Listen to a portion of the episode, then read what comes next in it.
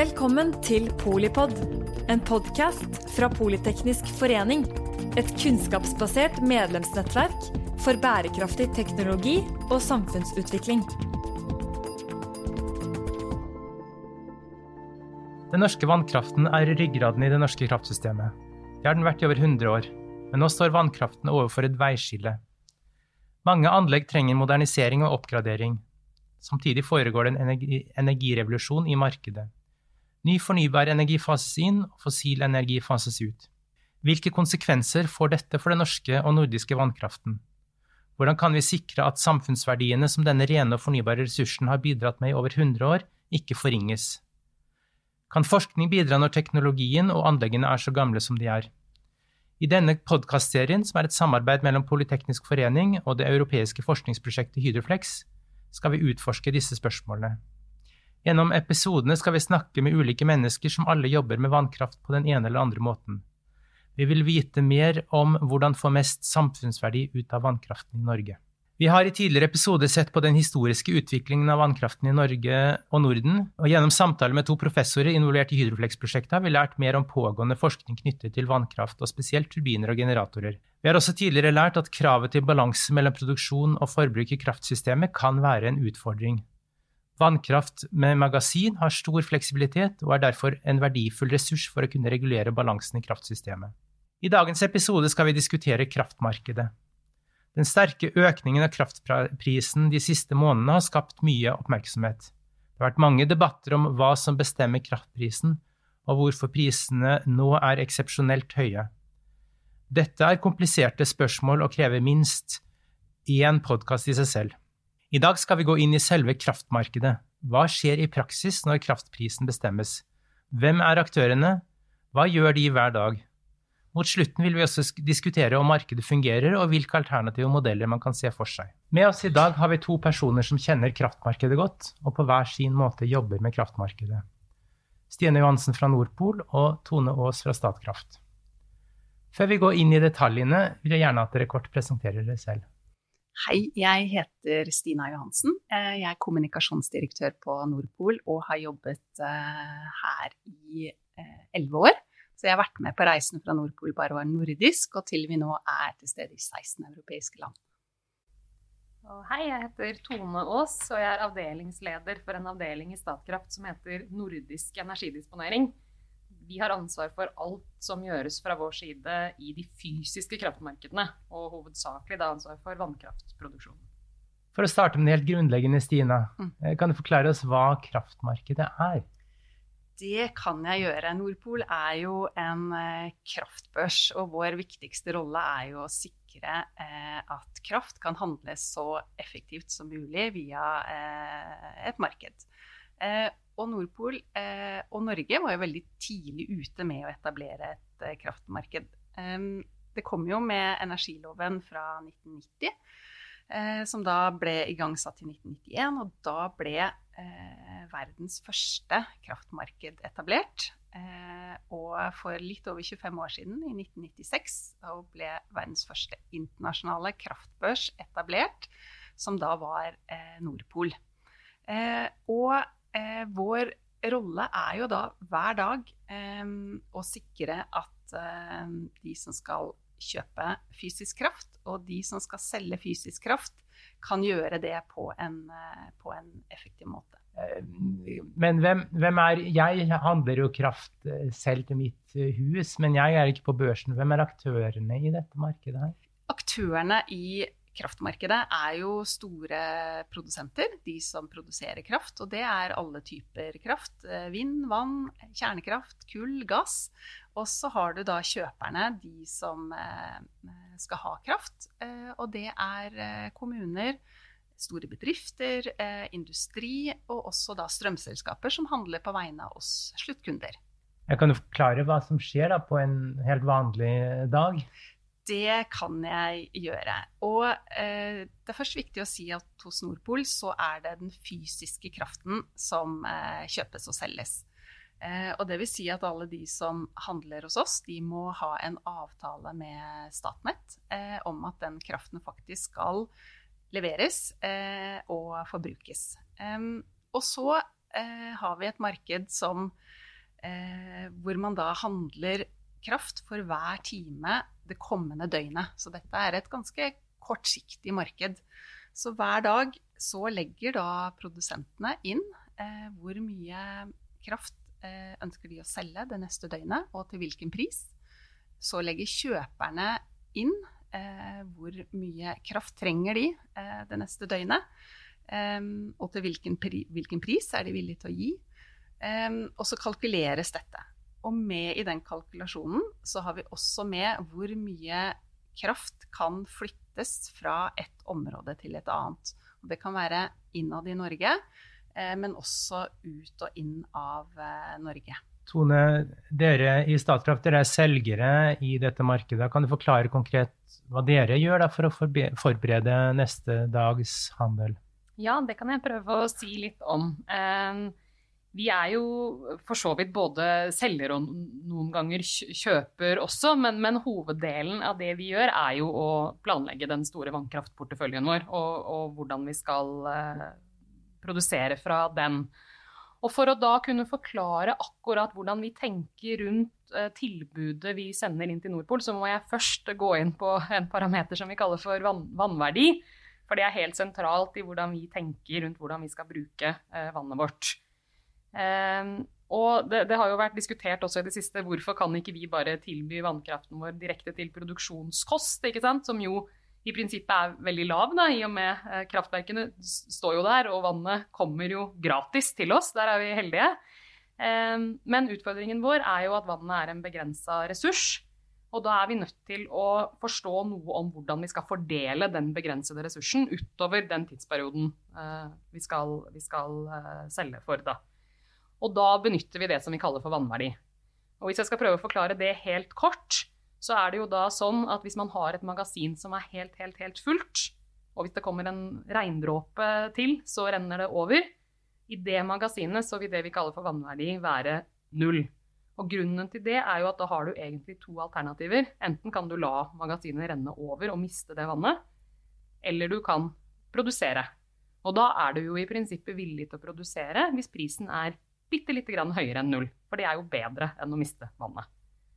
Det er jo relativt sånn enkelt å forstå, og så blir det litt mer komplisert når magasinet ditt ikke er fullt. Så hvis du da har et magasin som kanskje er stort, noen, av magasinene våre kan romme tre års eh, tilsig, eh, så da må du vurdere er det riktig av meg å selge, produsere denne kraften akkurat nå, eller er det lurere å vente til I det tilfellet kan det jo være til neste vinter eller vinteren etter der igjen. så Da må du jo faktisk ha et ganske, ganske langt perspektiv. da. Og i det tilfellet så vil du jo typisk ha en, en, høyere vannverdi. Og det som spiller inn da i hvor høy den vannverdien er, det er jo alle karakteristikkene ved magasinet. Hvor mye vann har du plass til å få inn? Og selvfølgelig også eh, prisforventningen din framover. Fordi du vil jo da søke å produsere når etterspørselen er høyest, når behovet for kraften er størst. Og det er jo gitt uh, i vår verden av når prisen er, er, høyest. Så da vil du få en vannverdi som reflekterer forventningene dine, dine framover, da. Og det som da gjør dette litt sånn ekstra komplisert, det er at alle de parameterne som går inn i den beregningen, er det jo også beheftet en del usikkerhet ved. Du vet ikke hvor mye det kommer til å regne. Du vet ikke hvor mye tilsig du får fra snøsmeltingen. Du vet heller ikke hva prisen blir. Nå har vi jo sett store variasjoner i prisforventninger ut ifra globale priser for gass osv., som er fryktelig vanskelig å forutse. Så det vi jobber med hele tiden, er jo da å forstå den usikkerheten og forsøke så godt som mulig å porsjonere det vannet ut i når, når behovet vil være, vil være, størst. Men det er sånn at dere gjør dette her da for hvert eneste kraftverk i Norge time for time i det neste døgnet? på en måte Sier da hvor mye de skal produsere, er det sånn?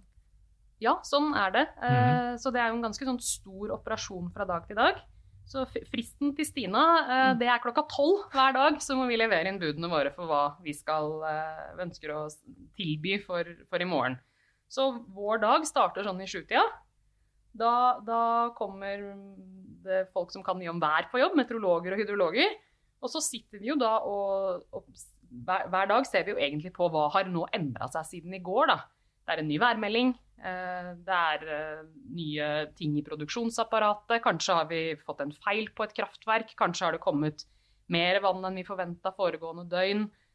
Vi har kanskje en ny prisprognose fordi det har vært en endring i gasspris osv. Så, videre. Så hver morgen sitter vi da med egentlig et ganske stort analysemiljø og, og ser på hvilke endringer har skjedd siden i går, og hvordan påvirker det vannverdien i disse ulike magasinene. Og så gjør vi jo da denne jobben for absolutt alle magasiner og kraftverk i ja, vi har eh, vannkraftverk i Norge og Sverige da, eh, hver eneste dag. Og ser på da time for time hva skal vi eh, tilby for neste døgn. Og så kan man jo tenke at eller det som gjør den jobben interessant, er jo også at disse kraftverkene og disse magasinene er veldig forskjellige. ikke sant? Så det vi ender opp med, er jo egentlig å bygge opp en tilbudskurve der vi vil selge en viss mengde kraft til en Eh, lav pris, der hvor f.eks. et magasin nærmer seg fullt, som jeg forklarte i stad. Mens i andre magasiner så er det kanskje sånn at vi har bare lite grann vann igjen eh, for resten av vintersesongen f.eks. Og da er vi jo nødt til å uh, bruke det på rett tidspunkt. Så da må vi jo ha en høyere pris for å, for å produsere fra, fra de kraftverkene.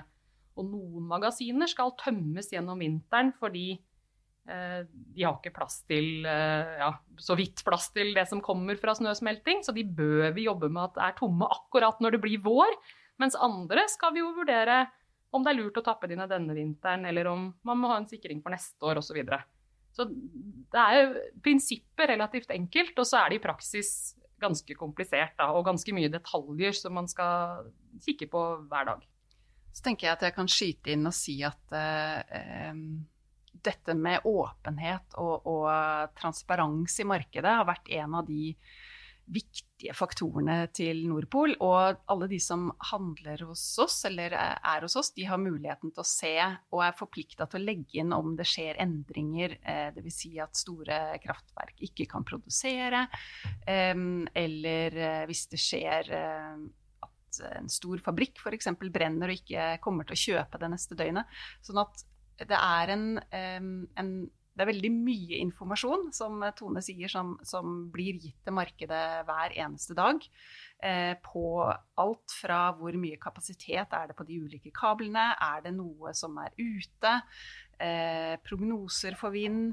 Det er veldig mye informasjon som også eh, Nordpol er med på å sikre at alle aktørene får, sånn at alle kan ta beslutninger, eh, i hvert fall basert på en sånn grunnleggende eh, informasjon.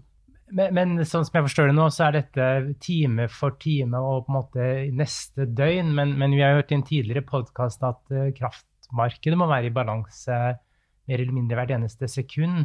Eller ikke kraftmarkedet, men, men kraftsystemet. Uh, men greier da markedet å håndtere den reguleringen på den veldig kortsiktige balansen? Eh, på, på, Nordpol så er det to markeder. Det er den store eh, måte, auksjonen hvor det aller meste av kraft, kraften i Norge blir omsatt. Og det er den som Fristen er klokka 12, og klokka 12.45 så kommer alle, alle, prisene ut. Jeg tror de fleste i Norge har liksom lagt merke til det tidspunktet, fordi nå er det veldig mange artikler eh, som kommer ut omkring da. Hva blir prisen i morgen? Så det er den vanlige gangen. Men så er det også et uh, marked som heter intradag, hvor man kan handle kraft da eh, fram til timen før denne kraften skal uh, leveres. Både kjøpes og, og, og selges.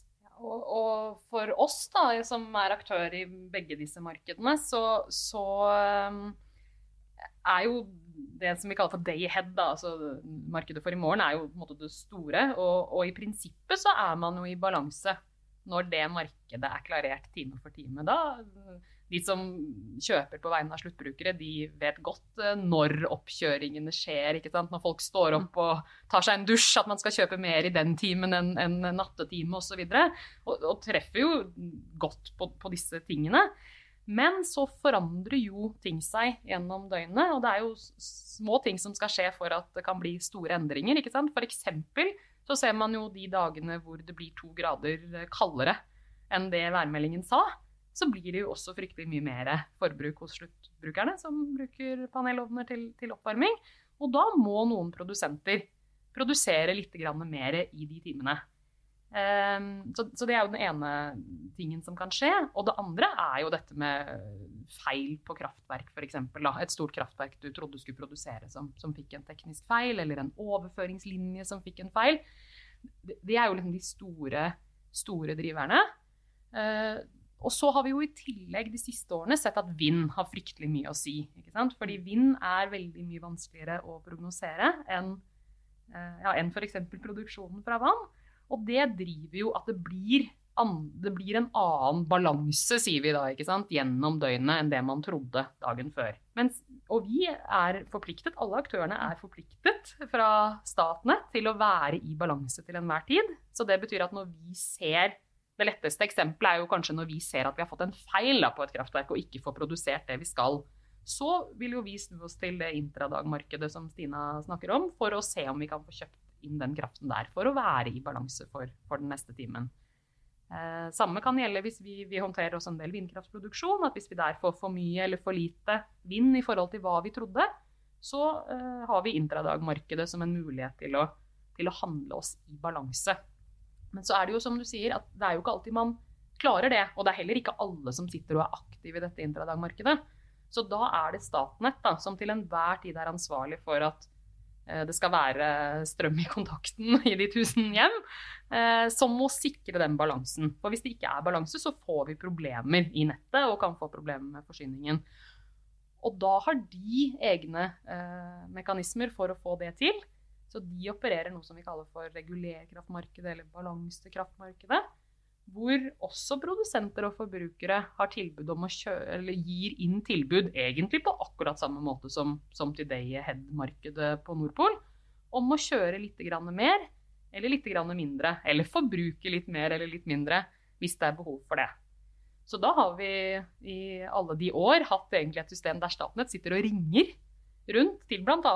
mine folk da, som er på jobb hele døgnet, og ber om mer eller mindre produksjon avhengig av hva systemet har behov for. Og så lever vi jo i 2022 nå, så vi driver med litt automatisering av den prosessen også. Eh, så nå er det ikke en telefon lenger, det er et eh, signal.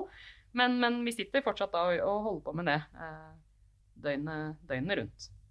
Så er det jo litt, hvis man ser sammenligner Norge på at det ikke handler så mye i dette intradag intradagmarkedet, så kan vi jo se Tyskland og Danmark hvor det er veldig mye vind. Så er andelen som handles i dette intradagmarkedet mye høyere. Eh, fordi at, eh, som Tone sa, vind er, kan være vanskeligere å planlegge. Sånn at det er oftere at man ønsker å, å produsere mer eller mindre eh, rett før dette faktisk skal leveres. Så der er andelen av intradagmarkedet ganske mye større enn i Norge. Og man kan også handle helt fram til eh, kraften faktisk skal leveres. Så vi ser jo at det er en endring i også strukturen på markedet i de landene som har mer uregulerbar eh, fornybar energikraft. Mm. Du nevnte Stine at, at også eh, over, kapasitet i overføringskapasitet mellom de forskjellige delene av Norge inngår i beregningen deres. -hmm. Er det da dette som er opphavet til at vi får så forskjellige kraftpriser i, i forskjellige deler av Norge under, i ulike perioder? Ja, det er det. Eh, Norge er delt inn i fem ulike områder, som vil si at vi kan få fem ulike priser for hver time. Um, og disse områdene er det Statnett som, uh, som setter opp. Um, og bakgrunnen er fordi at uh, disse områdene her kan, man, her kan det være uh, begrensninger i nettet. Sånn at det ikke kan, er liksom full flyt av, av kraft mellom, mellom områdene. og historisk så har ikke prisforskjellene mellom disse områdene vært veldig stor, eh, men vi har sett det i, i perioder. Eh, mens i 2021, som, som, egentlig har vært et veldig spesielt år på mange måter, så har vi sett en, en stor eh, forskjell på prisene eh, i NO3 og NO4, som er Midt-Norge og Nord-Norge, og de tre eh, områdene som er eh, sør i landet. Eh, en ting som jeg opplever ofte er misforstått, er at eh, norske aktører som, eller produsenter da, som sitter i Sør-Norge, altså, de selger til Tyskland for tyske priser. Men en norsk produsent som eh, produserer i et norsk område, må den produsere bare i det området. Eh, og får betalt eh, den prisen som er i det området. Og så er det Statnett som eier kabelen mellom f.eks. Eh, Norge og, og Tyskland, eh, sammen med en, en, tysk TSO, som da får inntektene på, eh, på prisforskjellen mellom Norge og, og Tyskland. Men den som produserer og kjøper i Norge, får prisene som settes i det området. Du nevnte også at det var, altså dere Nordpol er ansvarlig for det fysiske kraftmarkedet. Da forstår jeg også at det kanskje finnes et, et annet uh, kraftmarked som ikke er fysisk. Som ja. ingeniør er litt vanskelig å forstå, men Det er jo et uh, finansielt marked også, som i Norden stort sett opereres av Nasdaq. og det er jo her man kan handle langtidskontrakter på, på kraft. og det er jo mange større bedrifter og, og, industri som på en måte bruker dette for å sikre seg. Eh, mens eh, det som da omsettes på Nordpol, er den, er den eh, fysiske kraften. Og på det finansielle markedet er det jo ingen kraft som blir levert. ikke sant? Det, ikke, det blir ikke produsert eller forbrukt noe kraft der. Det er bare en Det er jo et veddemål, egentlig, ikke sant? På, mm. ja, på hva kraftprisen blir. Mm. Men, men, jeg forstår det også som at det er til en viss grad en forsikring at, at Statkraft kan, eh, eller en hvilken som helst annen aktør kan enten velge å handle til en fast pris eller til en framtidig eh, pris, eller selge, og sånn sett eh, på en måte gardere seg mot at prisen endrer seg veldig mye. Er det riktig forstått? det? Eh, ja, det er jo helt uh, riktig at det er en måte å sikre seg på. fordi de prisene som settes, eller som disse finansielle kontraktene gjøres opp for, de er jo referert de fysiske uh, kontraktene eller de fysiske prisene som settes av uh, day-head-markedet. Så sånn sett så blir den finansielle handelen en, en sikring mot, mot, det som vil skje i, i det fysiske. da. Mm. Eh, bare til, eh, til, kort til det som Stina nevnte også om prisområdet for dere Statkraft. Altså dere, eh, et kraftverk som dere har i Nord-Norge, vil måtte forholde seg til de prisene som er i Nord-Norge, og ikke kunne selge vi sier at vi vil selge til Tyskland, og ergo skal vi ha tyske priser for den kraften. Ja, absolutt. Det er jo helt riktig det Stina sier, at det som vi produserer i nord, som er NO4, da får vi NO4-pris, og ferdig med det. Mm. det. Det får ikke vi gjort noe med, på en måte. Så vi tilbyr jo kraft fra våre kraftverk i det prisområdet det kraftverket tilhører. Så, så det vi sender til Nordpol, er egentlig en tilbudskurve for ja, f.eks. NO4, da, som er sammensatt av all vår produksjon i NO4. Og så får vi en forpliktelse til å produsere en viss mengde strøm i NO4. Ja. Og så kan det jo godt hende at noe av den strømmen flyter til eh, prisområder lenger sør. Mm. Men, men, det stopper stoppes jo da når, når kapasiteten i nettet er brukt opp, og det fortsatt er mer kraftbehov i nord da, i dette eksempelet, så må man jo da ha enda mer produksjon i nord. Så det, så det er jo det som da kan skje nå. I, eh, når det blir prisforskjeller, så er det jo da fordi at denne her linjekapasiteten er brukt opp. Og da må man lete etter det neste budet da, i det aktuelle området. For, for, det har vi vel for så vidt ikke nevnt, at denne prisen settes jo ut fra at man skal dekke etterspørselen. Men man starter på det billigste produksjonen, og så ja. må man tikke seg oppover kurven til man, til man har tilfredsstilt etterspørselen. Ja. Og, og, hvis det da har, uh, man har, uh, det er fullt på linjene, så må man jo fortsette oppover den tilbudskurven i det aktuelle prisområdet. Ikke sant? Og da, det er da det blir prisforskjeller. Mm. Og så oppleves jo det urettferdig, det skjønner jeg jo. Jeg bor jo i Oslo sjøl, så jeg jo, skulle jo gjerne hatt uh, kraftprisen i Nord-Norge akkurat nå hjemme, jeg også. Men, men, det denne mekanismen er tenkt for, og som den jo også har fungert godt for, er jo nettopp at hvis det da er en veldig mye høyere kraftpris i et område over lang tid, så vil jo de som hele tiden sitter og vurderer å investere i ny kraftproduksjon f.eks., se at ja, men behovet er jo større i dette området. Det, det, er jo det prisen der er et uttrykk for. Her er, det, her er det mer behov enn det vi egentlig har. Så det er jo viktig og er tenkt for også å trigge på en måte, investeringer i et geografisk område hvor du passer inn i nettet. Det, det, er jo det ene bildet. Og det andre er jo at når Statnett skal vurdere eh, oppgraderinger av linjer osv., så, videre, så er jo dette signalet også viktig for hvor det er behov for økt krafttransport. da. Mm. Og så kompliseres det av at uh, svensk fly tar også noe Det er mye sånn tekniske komplikasjoner Mm. her, men, men det er prinsippet. Og det har, har tjent oss godt, uh, mener jeg. da De har trigget liksom riktige investeringer over tid. Ja, og at, så vidt jeg vet. og at prissignalene har liksom vært viktige for, som du sier, da, hvor skal det bygges ut eh, både industri da, med lave priser eller mer produksjon fordi prisene har vært høyere, og, og hvor skal nettet forsterkes fordi at man ser at det er eh, prisforskjeller over tid. Um, og det er jo litt av bakgrunnen for at dette markedet ble etablert i, i sin tid også. Eh, fordi at man så at det ble Det var mye utbygging. Eh, det var veldig ujevne hvordan eh, pris ulike både eh, industri kontra privatpersoner fikk, eh, fikk eh, tilbud om. Eh, og det var, eh, det var eh, for lav pris til at man investerte, eller det var noen som måtte da betale veldig dyrt for at det skulle investeres. Sånn at man ønsket jo en mer effektiv og helhetlig måte å å for, forvalte liksom disse ressursene i, i, Norge på. Man så jo også at eh, ressursene i Norge kunne spille godt på lag med andre land. At man ikke skulle være så avhengig internt i Norge å ha nok produksjon til ethvert tørt år, men at man kunne spille på lag med eh, Danmark og, og Sverige i, i første omgang, som hadde en annen type kraftproduksjon. Og det er jo dette som har vært eh, liksom eh, hovedtanken bak eh, etableringen og, og, utviklingen av markedet. Ja. Eh, og det bringer jo oss rett over på da, spørsmålet kanskje som er akkurat nå i tiden. Vi har jo sett da veldig høye priser eh, nå i år, og det har skapt mye debatt om, om kraftmarkedet. da. Og da kan man spørre seg selv, og mange stiller jo spørsmål om, om måte, er det behov for, for endringer. Men vi kan jo først det er no, spørre deg om det er det noen som har noen tanker om hva er et godt kraftmarked, hvordan burde det det fungere, eller hvilke kriterier skal man sette til hva som er et godt kraftmarked?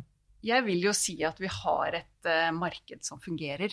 Uh, de prisene vi ser nå, er jo et resultat av uh, fundamentale en måte endringer som har skjedd. Da. Um, og er jo fortsatt signaler om, om, om hvordan kraftsituasjonen er.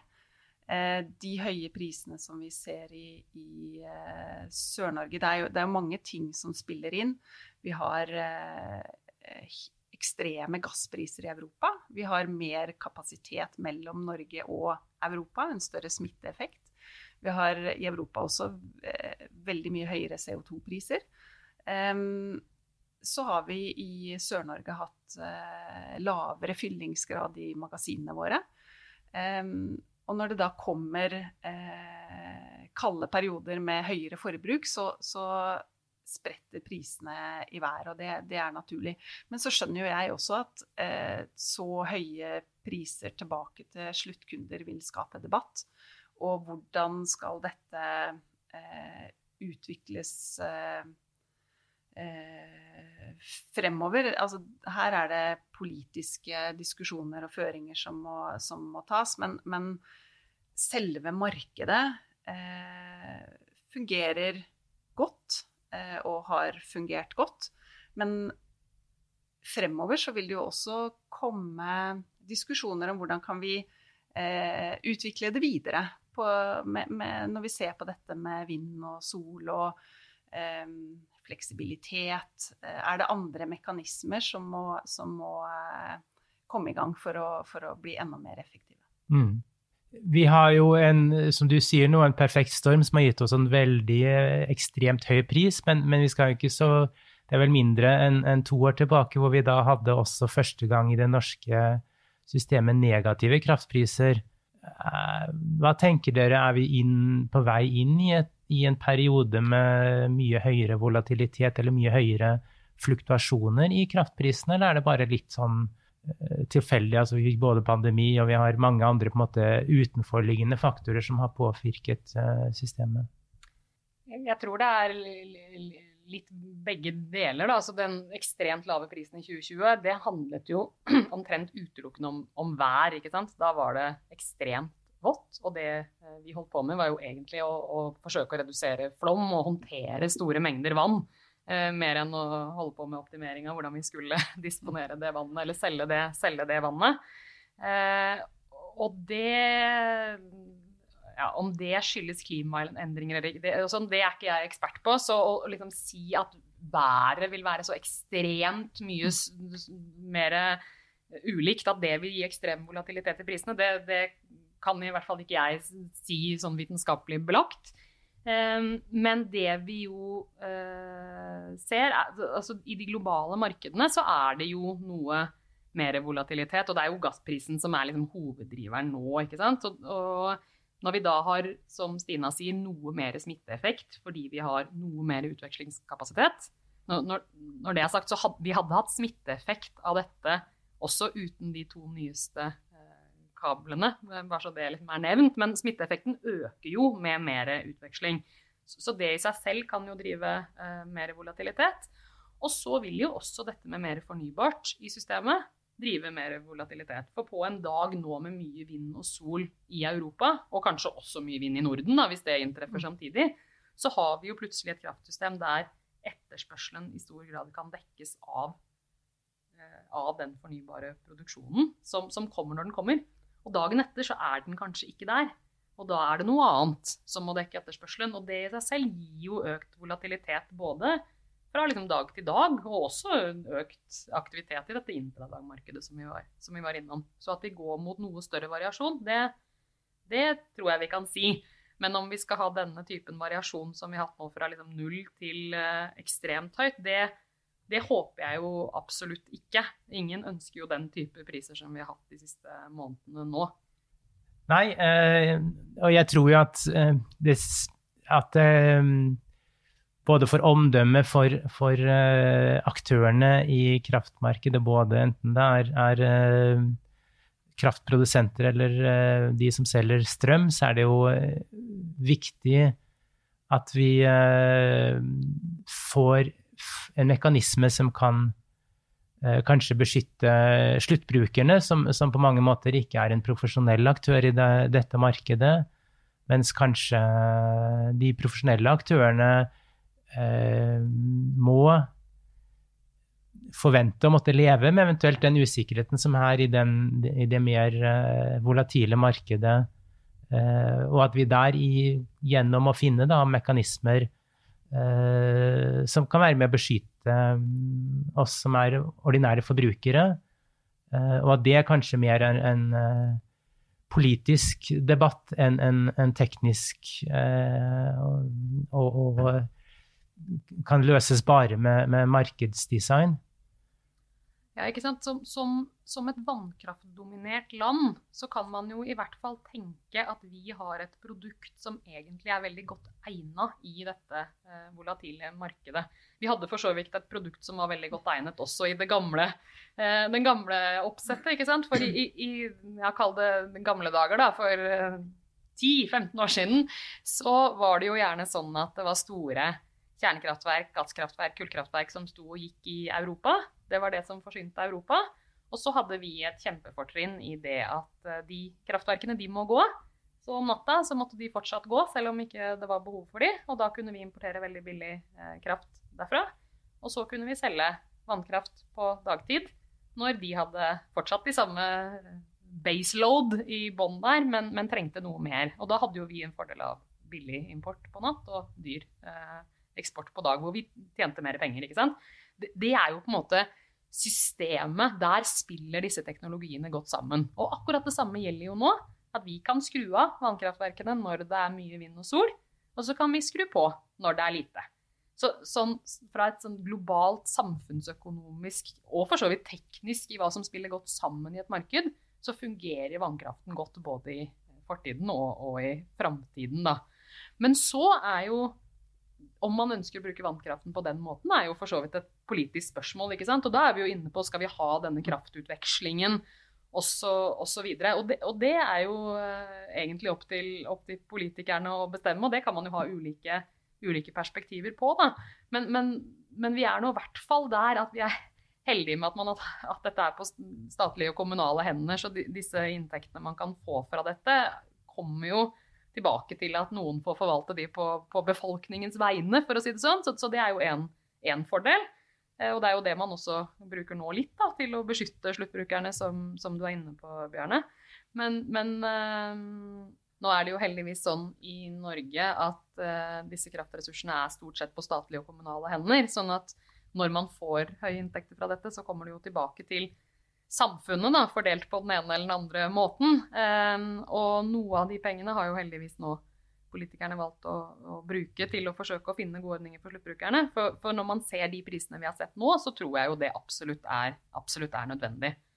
Uh, og dette er heller ikke mitt uh, ekspertområde, men det er jo også nærliggende å tro, gitt det vi tenker om kanskje noe økt volatilitet osv., at Kanskje det vil være en dreining mot at flere sluttbrukere ser nytten av å f.eks. være på fastpriskontrakter, som er mye mer i bruk i andre land, og, og, at man på den måten også kan beskytte seg selv da, noe mot denne, mot denne, volatiliteten. Ja, og bare Stina og kraftmarkedet, det er jo, Vi startet med dette som du sa i 1991, men det er jo ikke noe som har vært statisk. Vi jobber hele tiden med å, å utvikle og forbedre og optimalisere si, systemet der også, er det ikke sånn? Det jobbes kontinuerlig egentlig med markedsdesign og se hvordan kan dette Hvordan kan våre handelsplattformer og produkter eh, mest mulig, være mest mulig effektivt. Da. Sånn at eh, det er absolutt ikke noe som eh, har stått eller står eh, stille. Det er eh, kontinuerlig utvikling, og en av våre roller er jo å sikre at alle våre kunder da, eh, opplever at eh, dette er den mest effektive måten å handle kraft på. og med en så stor andel i, i Norge og Norden av kraft som omsettes på børs, så, så føler vi jo at vi har, har, At vi lykkes med det. Takk skal du ha. Eh, kraftmarkedet er aktuelt som aldri før. Eh, jeg håper denne podkasten har gitt dere en del svar på de tekniske spørsmålene. Hva skjer hvert døgn når kraftprisene bestemmes? Eh, det er eh, spennende å følge med på den videre utviklingen, og det er mange spørsmål som er eh, tatt opp i den siste tiden. Mange av de spørsmålene må besvares ved politiske beslutninger. Eh, men jeg håper iallfall at denne innføringen har gitt dere litt mer informasjon om hvordan kraftmarkedet virker. Da vil jeg avslutte med å takke Stina Johansen fra Nordpol og Tone Aas fra Statkraft for en interessant samtale. Mitt navn er Bjarne Børresen, og jeg jobber til daglig i Multiconsult og sitter i styret for PF Energi. Denne podkastserien om vannkraft er et samarbeid mellom PF Energi, Energinettverket, i Politeknisk forening og forskningsprosjektet Hydroflex, finansiert via EUs Horisont 2020-program. Prosjektet har også mottatt tilleggsfinansiering fra Norges forskningsråd. Takk for at du lyttet til Polipod fra Politeknisk forening. Få med deg flere episoder, eller bli med på nettverksmøtene som du finner på at polyteknisk.